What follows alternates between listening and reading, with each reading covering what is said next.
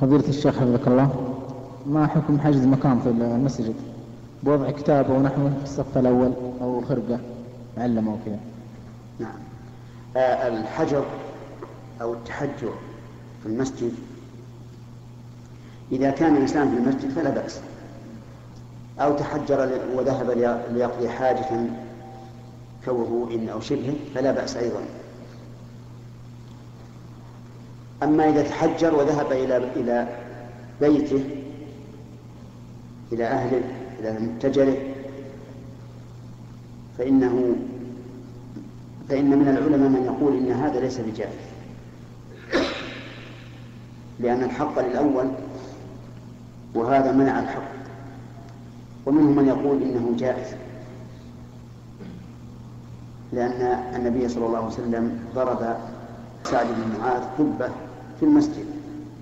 وهذا نوع من التحجر.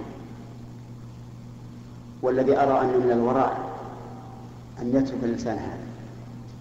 التحجر أن يترك هذا التحجر إلا في في الحالين اللذين ذكرتهما وهما إذا خرج من المسجد لحاجة ويعود عن قرب أو إذا كان في نفس المسجد.